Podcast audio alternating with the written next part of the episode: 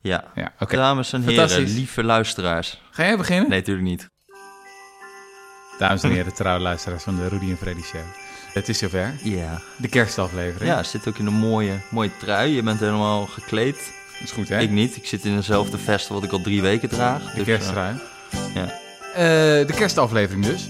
Wat we gaan doen is het volgende. We hebben een, nieuwe rubriek. Oh. Eh, dat heet de rubriek Kort Nieuws van Rudy en Freddy. Leuk. Van een paar dingen die zijn opgevallen, die leuk zijn. Ja, Ja. die we even bespreken. moeten. Even willen vertellen. Wat even uit ons systeem moet. Ja. Ehm, en dan gaan we natuurlijk eh, over op het hoofdonderwerp. Maar dat Ja. hou ik nog eventjes dat- eh, spannend.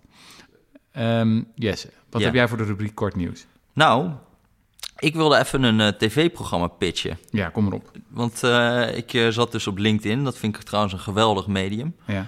En daar kwam in één keer iemand in die in de GGZ werkte, die zei van prachtig programma, Dienders. En eh Dienders, dat er is een programma dat gaat over eigenlijk allemaal mensen op de politieacademie, die Mhm. daar nog in opleiding zijn eigenlijk Mhm. en politieagent willen worden. Mhm. En dat wordt, nou, dat wordt gewoon gefilmd wat die allemaal meemaken en eh, wat die vertellen. Eh, en hoe ze dat zelf heel erg ervaren. En ze zitten er echt heel dicht bovenop. Je ziet echt allerlei dingen.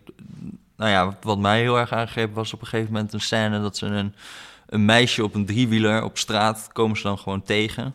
Mhm. En dan wordt, eh, wordt eigenlijk helemaal gefilmd van, nou ja, dat, dat ze die dan zoeken naar die moeder. En eh, dan zit ze daar op bureau en dan, eh, dan komt die moeder maar niet, want die moest eerst nog even Chinees halen en zo. Mhm. En je ziet gewoon heel erg hoe, zij, hoe moeilijk dat werk is, ook voor hunzelf. Ja. En voor, nou ja, ik werd er gewoon ook heel erg vrolijk van. Van dit zijn allemaal best wel hele, hele lieve mensen, gewetensvolle mensen die hiermee bezig zijn. ja, hoe integer dat veel van het politiewerk is. Ja, En dat het grootste deel is geen boeven vangen, maar is eerder hulpverlening. ja heel En erg hulpverlening. Zwakkere mensen helpen. Ja, Ja.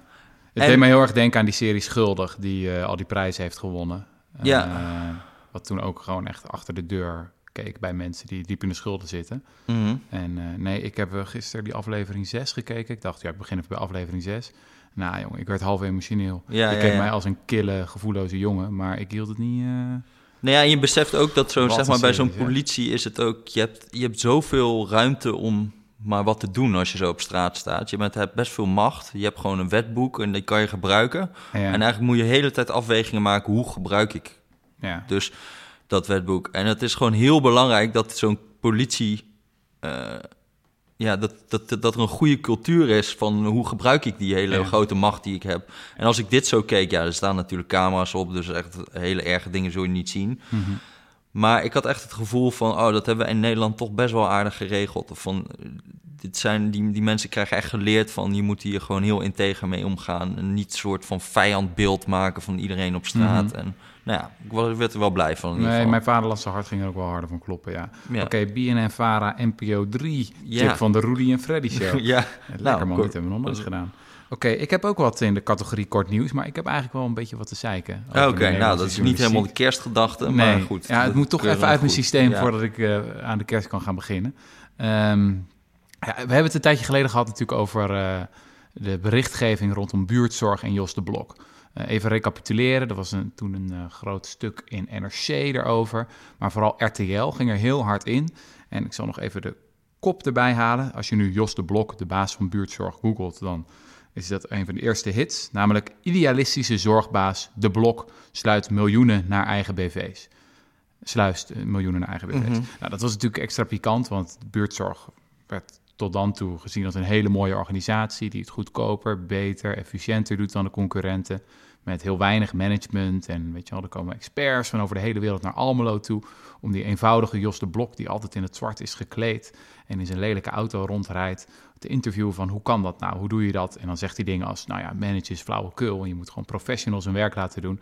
Heel mooi voorbeeld. Eh, ja, je zou er zomaar een heel hoofdstuk in je boek aan kunnen hebben gewijd. Oh ja? Eh, ja, en, ehm, maar ja, natuurlijk ook lekker, of nou ja, lekker, eh, pikant, laat ik het zo zeggen, als er dan een hele andere kant achter blijkt te zitten. Ja. En ik ben in de afgelopen maanden, als ik vertelde over dit voorbeeld, eh, tijdens lezing of zo, kreeg ik ook steeds vragen van, ja, heb je het wel gehoord van de blok? Weet je, ja, die deugt niet, hè? Wel, die, eh, die steekt geld achterover en zo.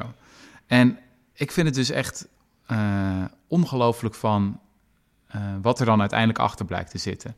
Dus, ehm, nou ja, als je we hebben het er wel eens eerder in de podcast over gehad, dus dat hoeft misschien niet eindeloos uit te wijden. Maar het bleek eigenlijk vooral een beetje een boekhoudkundig probleem te zijn, een governance probleem. Wat geldstromen liep door elkaar. Dat heeft buurtzorg aangepast en het probleem was opgelost. Met de Belastingdienst en ook de brancheorganisatie Actis was tevreden. Van zelfverrijking zei iedereen, is absoluut geen sprake. Het is helemaal geen sprake van dat de blok zijn zakken aan het vullen zou zijn.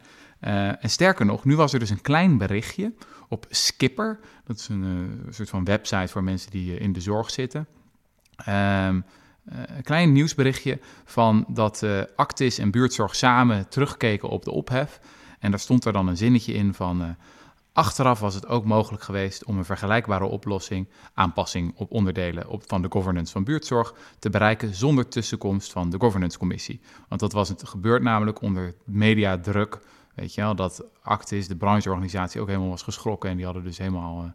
Krijg je waarschijnlijk ook meteen nog een artikel. Actis doet onderzoek naar misstanden Precies, buurtzorg. dat was meteen zo. Dat werd meteen zo uh, gebruikt. En toen dan schrijven ze nu van... dat had wellicht tijd, geld en een bijdrage aan negatieve beeldvorming kunnen voorkomen. En, en dit kleine berichtje, wat nergens werd op overgenomen... weet je wel, van RTL hebben we dat niet meer gehoord, van NRC niet meer. Je leest dat en je denkt eigenlijk, oké, dus het ging dus eigenlijk gewoon eigenlijk nergens over. En dus eigenlijk die brancheorganisatie zegt nu... we hadden dit gewoon met een goed gesprek moeten oplossen... en niet er heel legalistisch We hadden gewoon even gaan. moeten praten... en dan hadden we gewoon wat dingen aangepast. En dat was ja, dat, geweest. dat vind ik eigenlijk dan wel weer een mooie kerstgedachte. Dat vind ik ontzettend mooi. Maar de frustratie is wel van... als je nu nog steeds googelt, weet je wel... Jos de Blok buurtzorg... Ja. en de smaak die is blijven hangen... is uh, die vent deugt niet. En dat dan... Ik bedoel, je zou toch verwachten dat de, de journalisten die op dit dossier zitten... dat die eh, weet je, een update doen van ja, uh, we gingen erin met de kop idealistische zorgbaas De Blok sluist miljoenen naar eigen BV's. Uh, eh, ja, dat, dat ja, sorry. Weet nou, je, iets van verantwoording of zo. Ja. Nee, ja, inderdaad. Zonde. Lullig voor hem ook. Ja, want we zeggen altijd als journalisten, want we moeten de macht controleren. Nou, nu hebben twee machtige partijen en ik vond NRC overigens nog best wel genuanceerd toen, maar RTL ging echt super hard in. Uh, ja, dan moet je toch verantwoording over, afleggen over de macht die je zelf hebt gebruikt. Ja. Om iemand zo neer te zetten. Ja, jongens, dat is bij deze een oproep misschien. Ja, hè? Dat is mijn kerstoproep. Maar ik heb nog meer te zeiken. Oké, je hebt nog meer te ja, zeiken. Er nou, nog, dat is er mooi. moet nog iets uit. Ja, ik wil eigenlijk een, een, balletje opgooien. En ik ben ook benieuwd wat jij ervan vindt. En trouwens ook wat alle luisteraars ervan vinden. Over um, journalistieke interviewpraktijken in de lage landen.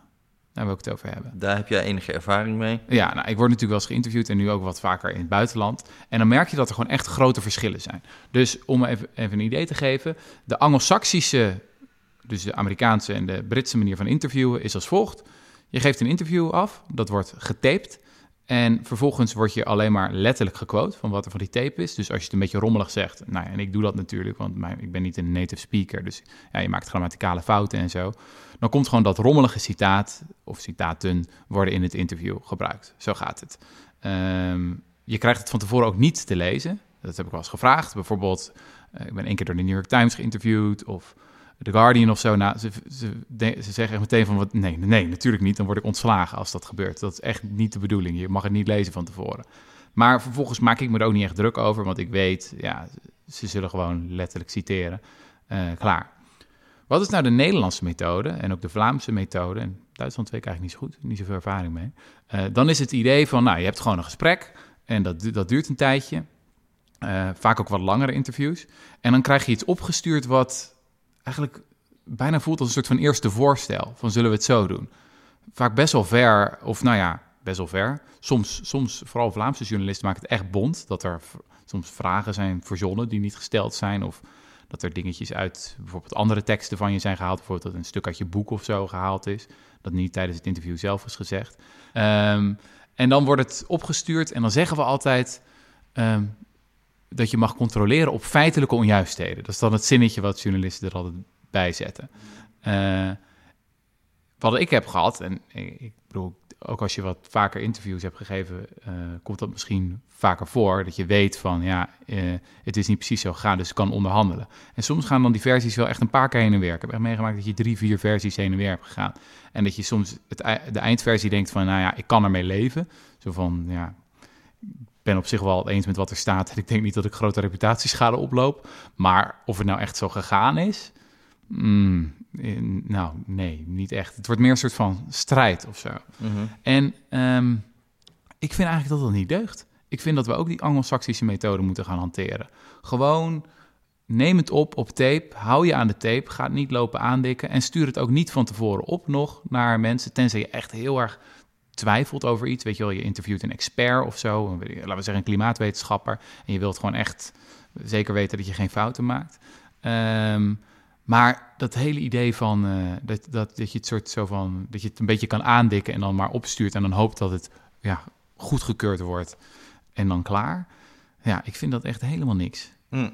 Wat vind je? Nou, als iemand die wel eens aan de andere kant staat, ja, mensen praten gewoon ook fucking incoherent. Oh ja. En als we dat allemaal maar letterlijk moeten gaan opschrijven, dan daar, daar worden zij ook niet beter van. Mhm.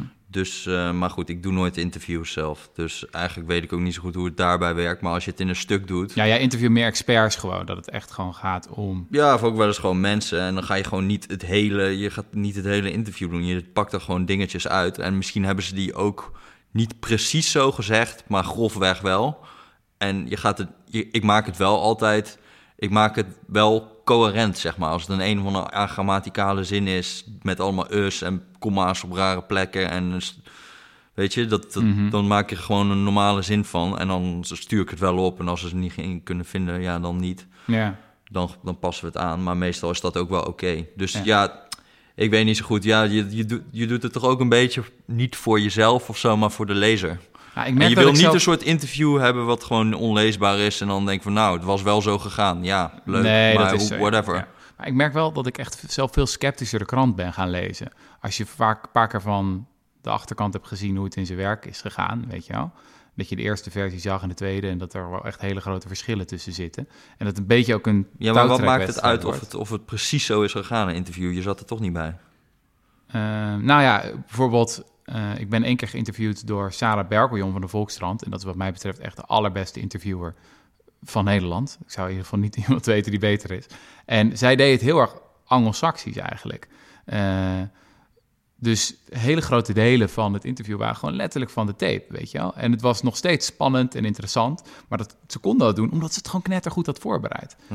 Terwijl als je dat minder voorbereidt, nou ja, goed, dan ga je, weet ik veel, iemand een uur, anderhalf spreken en dan, dan cherrypick je wat citaten eruit, je dikt het nog wat aan en je hoopt dat het geaccordeerd wordt.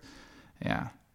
En volgens mij is het ook veel, eh, je had laatst die, eh, dat gedoe rondom dat interview dat de Volkskrant had gedaan met eh, Eva Vlaardingerbroek. Weet je, Mhm. die had gesproken voor Forum voor Democratie. Mhm. En die was dus helemaal boos geworden achteraf. En toen zei Matt Steinglas, dat is de correspondent voor The Economist... dus dat is een, eh, een Brit die eh, hier in Nederland schrijft over Nederland... maar dan voor een internationaal publiek. Die zei ook van ja, dit is ook wat je krijgt als je zo'n lossige interviewnorm hebt. Mensen verwachten van ik kan het altijd nog bekijken, je, je kan het accorderen... en dan gaan ze ineens helemaal trippen als ze, als ze zo worden geciteerd. Ja, Dus eh, ik, eh, ik ben wel, ik ben, maar ik ben ook wel benieuwd wat, eh, wat anderen daarvan vinden. Dus ik gooi het ballonnetje even op. ja. Ja. Anders doen dan, weet ik niet. Ik weet het niet zo goed. Ik, vind, ik heb er niet zo heel erg veel problemen mee. Als het maar, als, kijk, als het echt een onderhandeling wordt, dan doe je het waarschijnlijk niet goed. Maar als het gewoon is, eh, ja, nee, prima. Ja, precies. Ja, ja. Oké, volgende. ja we gaan nu echt, eh, we gaan nu We echt, gaan naar, nu de, echt we gaan nu naar de mooie dingen. Ehm, het is kerst.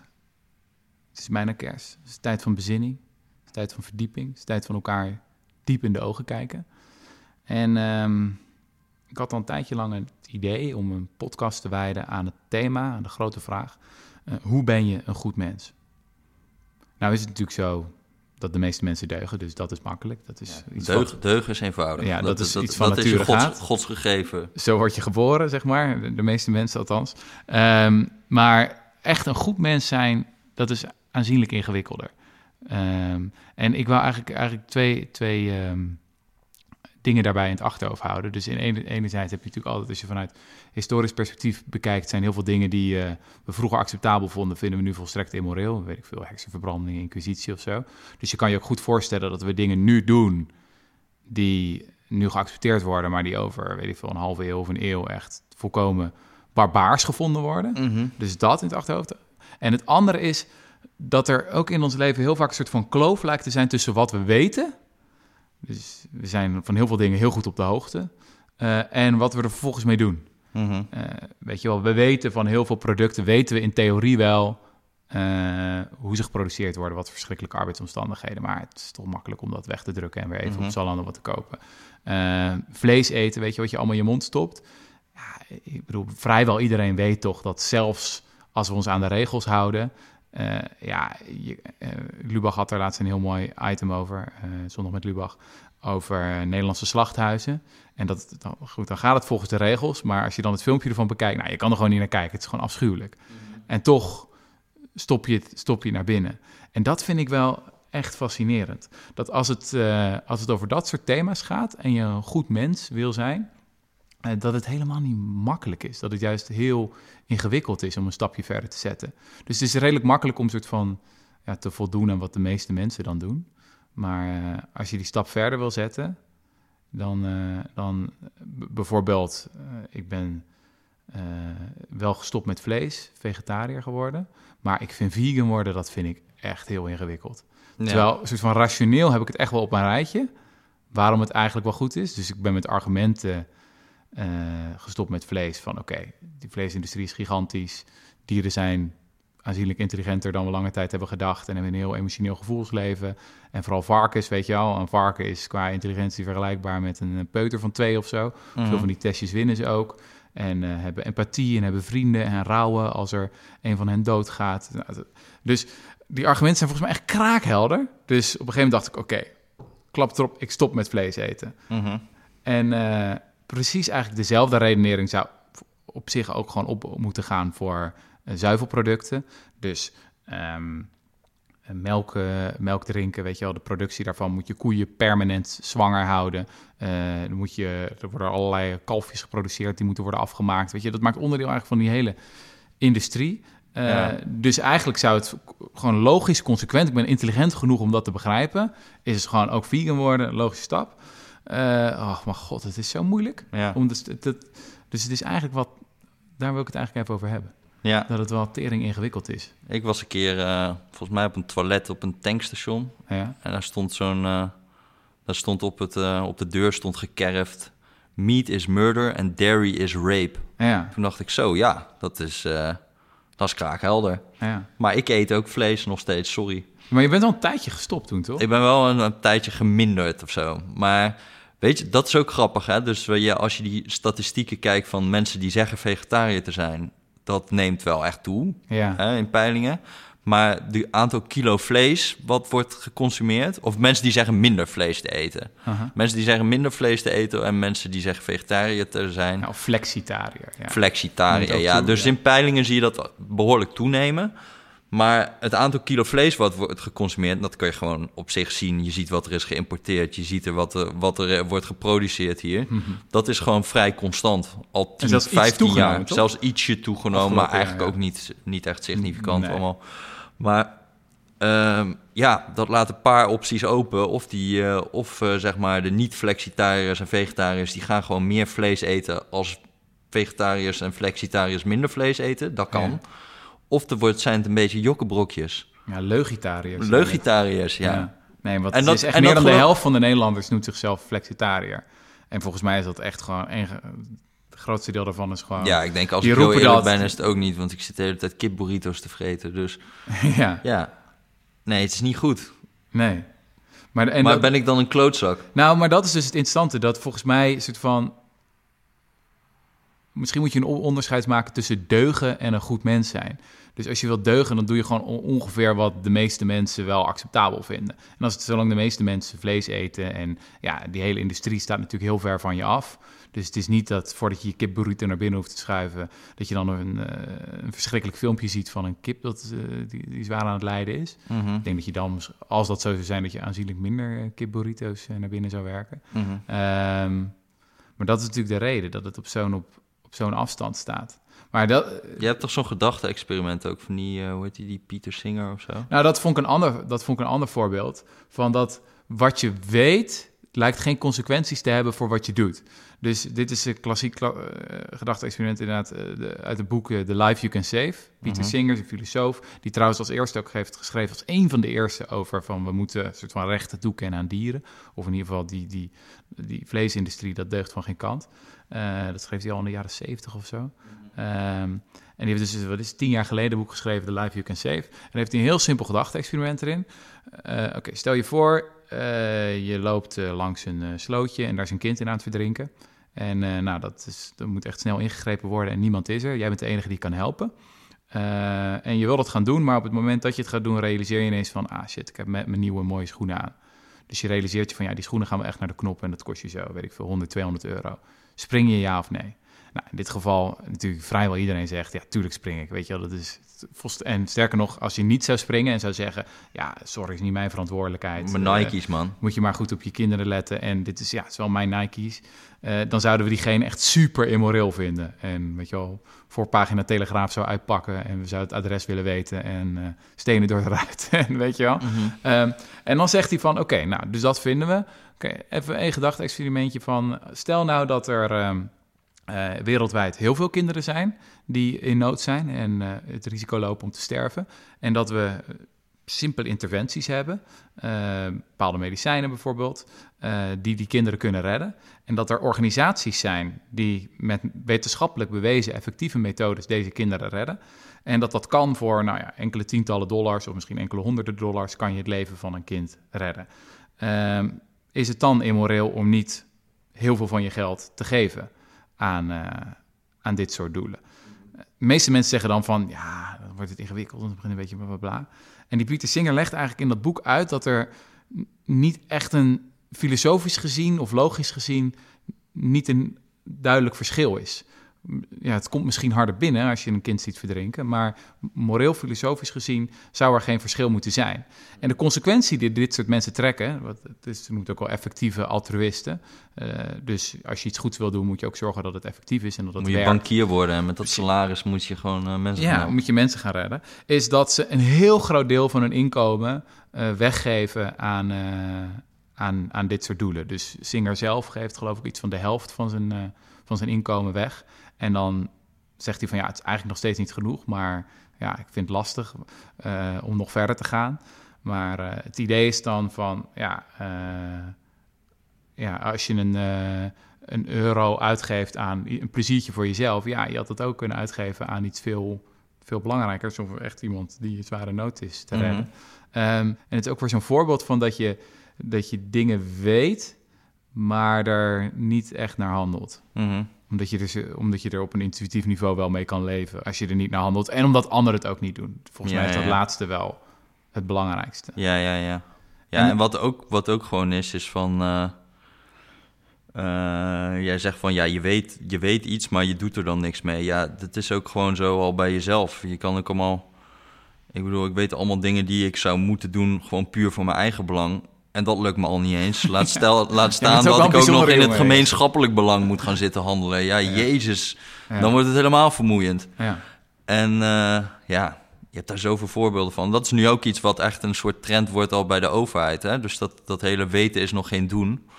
Dat is, uh, de WR heeft daar toen ook zo'n rapport over gedaan... dat mensen ook doenvermogen ontbreken. Dus je hebt denkvermogen en je hebt doenvermogen. Mm -hmm.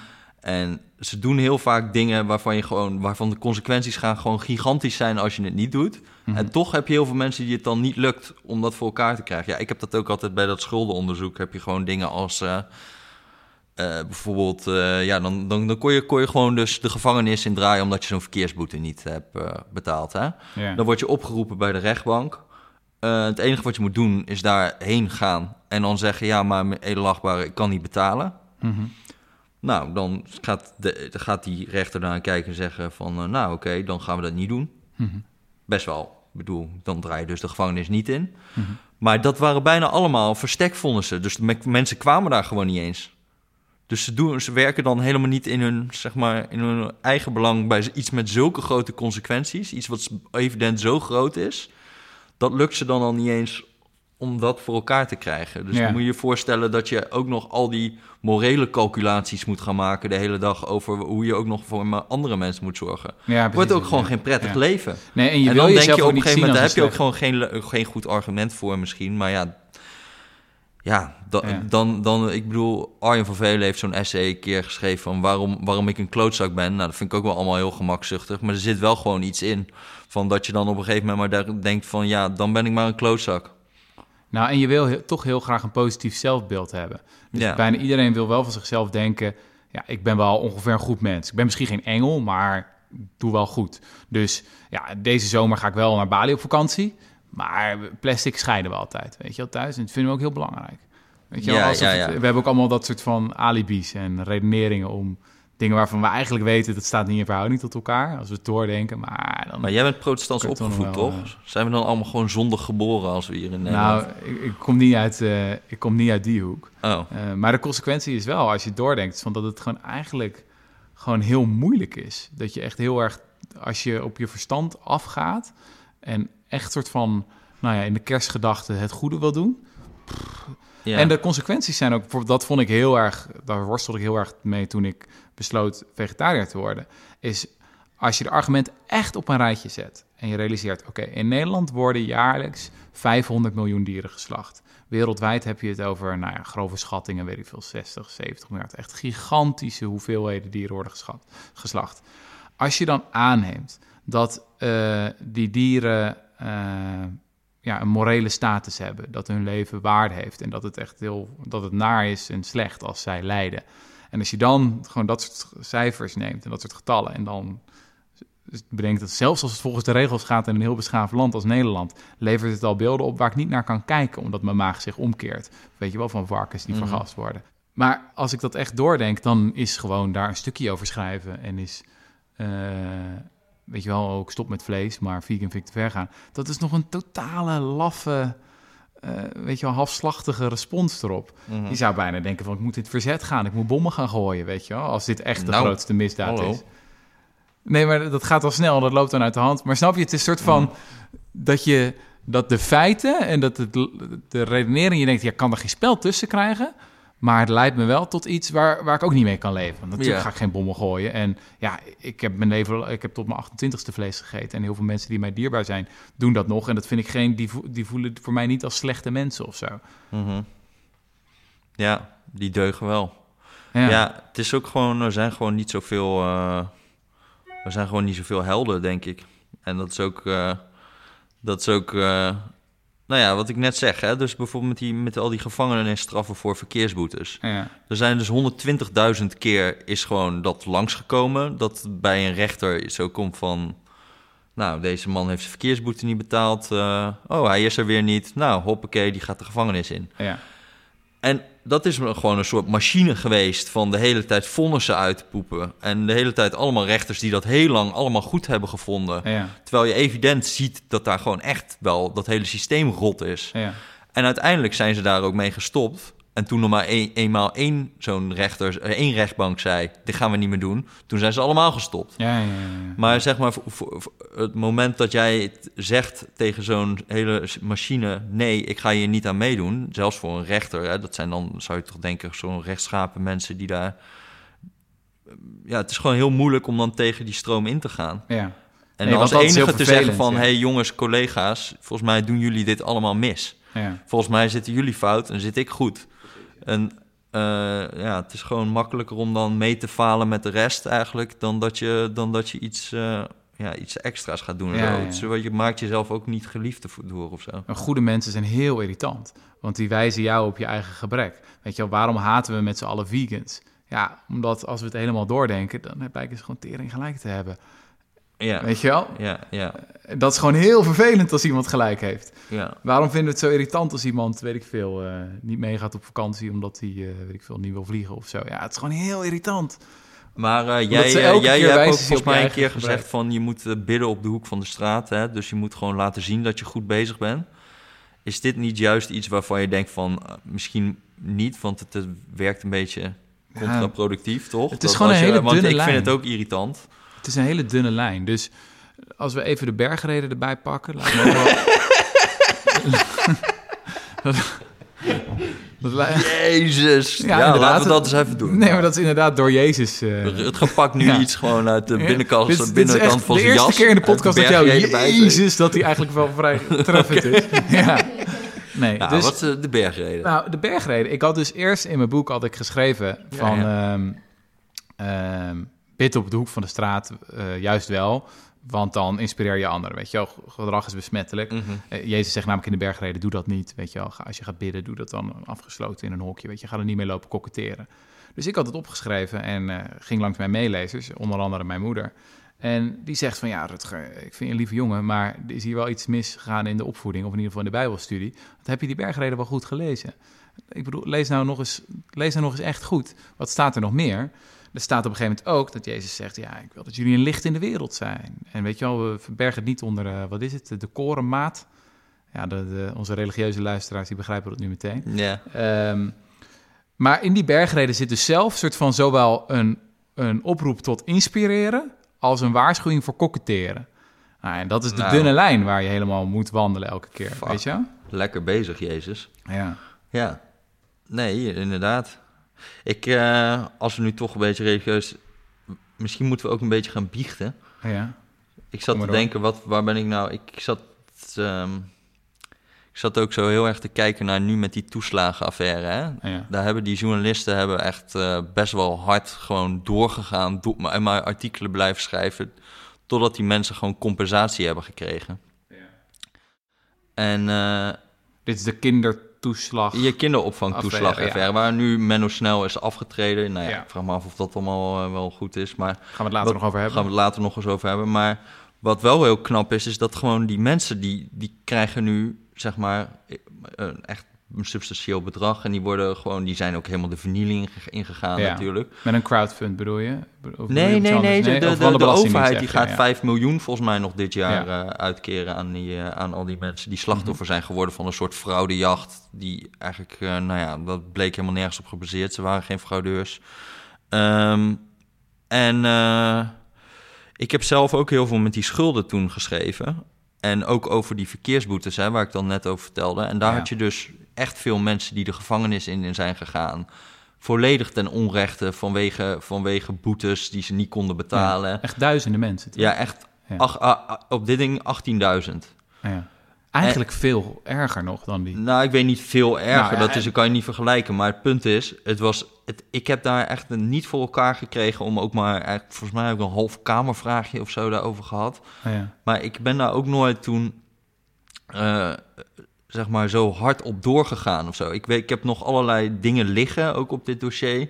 Aha. En dat was gewoon puur ego, zeg maar egocentrisch, dat ik er gewoon geen zin meer in had. Ik was gewoon helemaal Hmm. vermoeid met dat onderwerp. Je wist het ik- al wel en het interesseerde je. Het, ik vond het gewoon, nee, ik vond het gewoon niet meer zo interessant of zo. Ja. Terwijl als ik nou zie hoe, hoe hun dit hebben voor elkaar hebben gekregen. Want ik dus vond RTL ook- en Trouw bedoel je? ja, door, gewoon, door gewoon door te gaan. Te bijten, te bijten, te bijten. Ja, Ja. En ik vind dat gewoon wel, ja, eigenlijk gewoon dan, ja, het is gewoon, ik heb daar ook gewoon geen goede, goed verhaal bij of zo. Want Nee. eh, ik, heb bijvoorbeeld toen ooit nog zo'n zo'n eh, zo'n document liggen. Nou, dan zal ik één voorbeeld geven van wat voor verhalen dat dan ook ongeveer zijn. Mhm. Was dus een man en die had ook allemaal boetes voor onverzekerde auto's gekregen. Mhm. En die, eh, die, die, had, die, nou, die kon die niet betalen. En toen ging hij op een gegeven moment naar, dat, naar het CIB toe... en toen zei hij, kan ik alsjeblieft een betalingsregeling krijgen voor dit ding? Want ik heb nu net ook weer... zijn vrouw had hem verlaten, zijn huis was verkocht. Eh, ik heb nu net weer een baan gekregen... dan kan ik het weer een beetje op de rit krijgen... en dan, eh, dan kan ik weer door met mijn leven. En toen hebben ze die betalingsregeling afgewezen... Toen hebben ze rijbewijs ingetrokken en hij had net een baan gekregen als buschauffeur. Hm. Dus toen ging die baan ook niet meer door. Nee. Nou ja, dan kan je je voorstellen dat je best wel een soort van, eh, nou ja, wel een, wel een bus, zeg maar, het CIB in wil ja, rijden. inderdaad, ja. En dit genre verhalen had ik er zoveel van. En ik was er zelf gewoon moe van. Ik kon kon het gewoon zelf ook niet meer zo goed aan. Maar Ja, het is gewoon wel dat ik echt denk nu... Die hadden ook gewoon... Die had je gewoon door moeten gaan totdat daar ook gewoon eh, iemand... eh, nou ja, hoeft niet iemand weg van mij. Maar gewoon, ik had ze nog wel iets meer gewoon compensatie of weet ik veel wat. ja, je kan er gewoon een beetje mur van worden. Ja, je En wordt dat- er gewoon... dat- Het is gewoon ik word er meer van. Maar het, is- die lui, die, die mensen, die hadden echt nog steeds daar gewoon last Ja. van natuurlijk. Nee, en dat is wel de rode draad volgens mij van... als je de, soort van niet alleen wil deugen, maar goed mens wil zijn, dan moet je daar een prijs voor betalen. Ja, Dan word je heel vaak irritant gevonden. Dan eh, moet je offers brengen, eh, financieel, misschien ook sociaal, mhm. eh, om, tegen de stroom in te gaan. Maar het is eigenlijk per definitie ben je wel afhankelijk van dat soort mensen, want die brengen je wel verder als samenleving. Daarvan wordt dan achteraf gezegd van, oh, die zag het toen al. Maar op het moment zelf is het helemaal niet prettig om het te doen. nee. Dus dat is de onaangename les. Ja, De meeste mensen deugen, maar er zijn weinig helden. ja, zo, hallo. Ja. Maar ik zat ook te denken van hoe kan je het dan makkelijker maken? Je kan het natuurlijk wel makkelijker maken als je dingen samen doet. Ik vind bijvoorbeeld dat, dat miljardairs-initiatief vind ik best wel mooi. Dat, van Bill Gates, dat hij zegt de Giving Pledge. Van ik, wij spreken samen af om, weet ik veel, de helft van onze, wel, van onze miljarden weg te geven. Mhm. Toen dacht ik, ja, dat kan je natuurlijk ook doen. Eh, waarom zouden alleen miljardairs dat doen of zo? Mhm. En ik zou het bijvoorbeeld wel, ik zou het wel leuk vinden om een soort van een club te hebben van mensen die echt zegt, afspreekt samen. Je weet dat je erbij hoort. De, Rudy en Freddy eh, beweging of zo. Pledge. Ja, zou toch mooi zijn? Als je samen doet, is het dan makkelijker. Ja, ik moet eerst nog een huis kopen, man. Oké. ja. Nee. Is dat eigenlijk niet reëel om huis te kopen? ja, ja, ja, ja. ja. Maar ik denk ook wel dat de slotsom een beetje is van... in al dit soort discussies van... echte maatschappelijke vooruitgang komt misschien ook niet eens vandaan... bij de, bij de bergredes en bij het moraliseren. Maar er komen gewoon erbij vandaan dat, dat je het mensen makkelijker maakt... überhaupt om een goed mens te zijn. Ja, Weet je wel? ja, klopt. Het is veel makkelijker om een goed mens te zijn... als er heel veel vleesvervangers zijn. Ja, Het, sterker nog, het, ik werd vegetariër, wat is twee, tweeënhalf jaar geleden. Toen het echt al tien keer makkelijker was dan toen bijvoorbeeld onze collega Mark Chavan. Die werd eind jaren negentig of zo, na een interview met Pieter Singer, besloot hij... oké, ik eet nooit meer een hap vlees. Mm. Nou ja, toen, A, mensen vonden je echt belachelijk. Dat echt van, Mhm. wat een aansteller ben je. En B, ja, je kon gewoon op halfgaren soja gaan lopen kauwen de rest van je leven. ja. Maar dat was gewoon, ni- dat was gewoon niet te doen. geen alternatief. Terwijl, ja, ik moet eerlijk zeggen, het is mij enorm meegevallen. Ja, Ik vind vegetariër zijn niet zo moeilijk. nee. En waarschijnlijk ben ik dan zo'n zo'n type dat dan over tien jaar, als het veel makkelijker is geworden, dan vegan is geworden. Mhm. Maar ik heb wel veel bewondering voor de mensen die het nu al doen en die het nu al kunnen. Ja. En ik zet wel mijn kleine stapjes hoor. Ja. Ja. Ja. Dat, nou, dat is mooi om af- mee af te sluiten, toch? Doe het lekker samen goed zijn. Jesse, ik heb van je genoten dit jaar. Ja, ik ook van jou. eh, dat waar, en tot het volgende jaar ook. Dan, heb ik, dan ga ik, gaan we ook van elkaar genieten. Maar dat klinkt een beetje vies nu op dit moment. Nee, dat is... Zullen we maar even We houden het eh, puur platoons. Ja. In de podcast althans. Ja. Toedeledokies.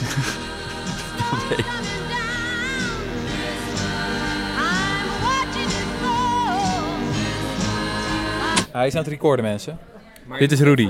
Eh, lieve mensen van de Rudy en Freddy Show. Eh, dit is heel bijzonder. Dit doen we normaal nooit. Noodpromotie. Een noodpromotie is het. Eh, het is echt nood, want het zit hier met echt een halve gare microfoon die nog uit de Eerste Wereldoorlog eh, stamt. Ja. Eh, maar het is echt belangrijk, want Jesse, jij hebt een belofte gedaan en Ja, die ben je niet nagekomen. nee. En daarom zijn we nu genoodzaakt om dit extra bericht in te spreken en in het kanaal te zetten. Ja. Terwijl de kerstborrel al bijna gaat beginnen. ja. Nou, kijk, het volgende is het geval. Ja. Eh, de Kostblend is op zoek naar iemand die onze nieuwsbrieven kan schrijven. Mhm. Hè?